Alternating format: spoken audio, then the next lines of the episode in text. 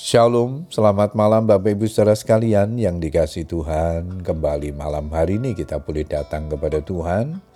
Setelah sepanjang hari ini kita menikmati kebaikannya dalam hidup kita. Malam hari ini sebelum berdoa saya akan membagikan firman Tuhan yang diberikan tema kerendahan hati Cornelius. Ayat mas kita di dalam kisah Rasul 10 ayat yang kedua. Firman Tuhan berkata demikian, ia saleh, ia serta seisi rumahnya takut akan Allah, dan ia memberi banyak sedekah kepada umat Yahudi dan senantiasa berdoa kepada Allah.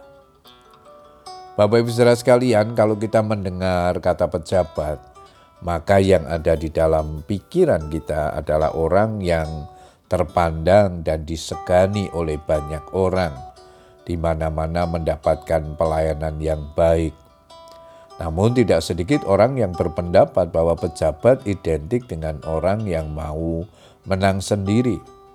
Katanya pelayan masyarakat, tapi dalam realitanya justru dilayani oleh masyarakat.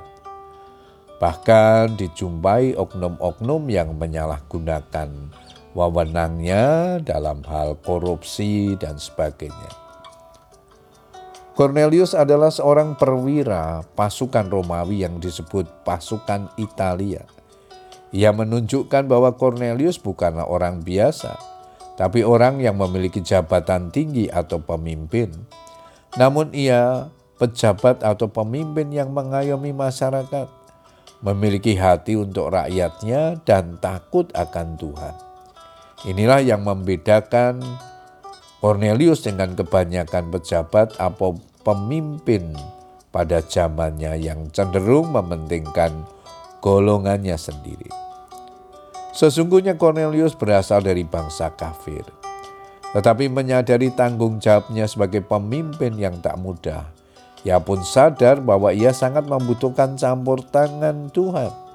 Kisah para rasul ini mencatat bahwa Cornelius merupakan orang non-Yahudi pertama yang menjadi orang Kristen atau pengikut Kristus. Banyak pelajaran berharga yang kita dapatkan dari kehidupan Cornelius. Antara lain, dia seorang yang memiliki jabatan tetapi tidak membuatnya sombong. Orang yang memiliki kedudukan tinggi biasanya mudah sekali takabur, berlaku sombong dan memandang rendah orang lain. Perhatikan yang Alkitab katakan. Manusia yang sombong akan direndahkan dan orang yang angkuh akan ditundukkan. Yesaya 2 ayat 11. Meski berpangkat, Cornelius tetaplah orang yang rendah hati. Kendan hati mendahului kehormatan. Demikian Amsal 3 ayat 34. Apabila saat ini kita dipercaya oleh Tuhan sebuah jabatan atau kedudukan yang tinggi, jangan sampai hal itu membuat kita lupa diri, memegahkan diri, apalagi sampai menganggap rendah orang lain. Jangan lupa selalu bersyukur kepada Tuhan dan tetaplah menjadi orang yang rendah hati, karena semua yang ada pada kita, termasuk jabatan itu datangnya daripada Tuhan. Puji Tuhan, Bapak Ibu Saudara sekalian, biarlah kebenaran firman Tuhan yang kita baca dan renungkan malam hari ini menjadi berkat dalam hidup kita. Mari kita belajar seperti Cornelius yang memiliki kerendahan hati meskipun dia memiliki jabatan, memiliki popularitas di tengah-tengah masyarakat. Puji Tuhan. Selamat berdoa dengan keluarga kita. Tuhan Yesus memberkati. Amin.